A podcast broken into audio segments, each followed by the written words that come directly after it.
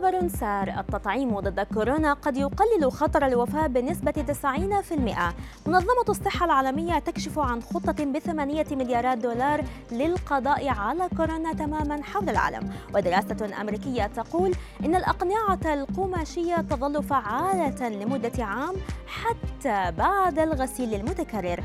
أبرز أخبار الساعات الأربع والعشرين الماضية في دقيقتين على العربية بودكاست. أظهرت دراسة فرنسية أن التطعيم ضد كوفيد 19 يقلل من خطر الوفاة بسبب الفيروس بنسبة 90% لدى الذين تزيد أعمارهم عن 50 عاما كما يبدو فعالا أيضا ضد المتحور دلتا. من جانبه قال عالم الأوبئة محمود زريق إن هذا يعني أن الأشخاص الملقحين هم تسع مرات أقل عرضة لدخول المستشفى أو الموت من مضاعفات كورونا مقارنة بغير الملقحين. كشفت منظمة الصحة العالمية عن خطة جديدة بقيمة 8 مليارات دولار تهدف للقضاء تماما على جائحة كورونا من خلال جعل اللقاحات بمتناول الجميع حول العالم.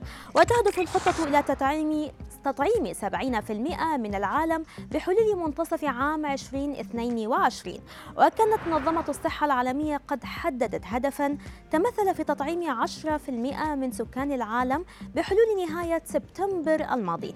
لكن أكثر من 50 دولة غالبيتها في إفريقيا والشرق الأوسط لم تتمكن من إنجاز هذا الهدف في الموعد المحدد.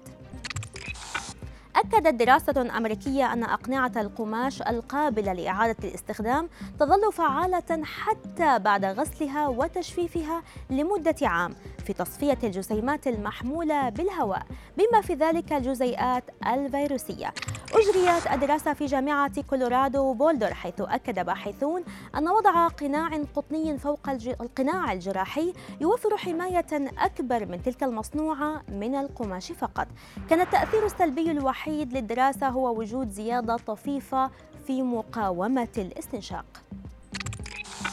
حذرت دراسة جديدة من أن قضاء وقت طويل في التحديق في هاتف ذكي أو شاشة كمبيوتر يمكن أن يزيد من خطر قصر النظر لدى الأطفال بنسبة تصل إلى 80% وبحسب ما نشرته صحيفة ديلي ميل البريطانية قام خبراء في كامبريدج بفحص أكثر من ثلاثة ألاف دراسة بشأن التعرض للأجهزة الذكية. ويخشى الباحثون من أن النتائج تعني أنه بحلول عام 2050 ربما يكون نصف سكان العالم يعانون من قصر النظر أو من مشاكل مماثلة لفقدان البصر في الحالات الأسوأ.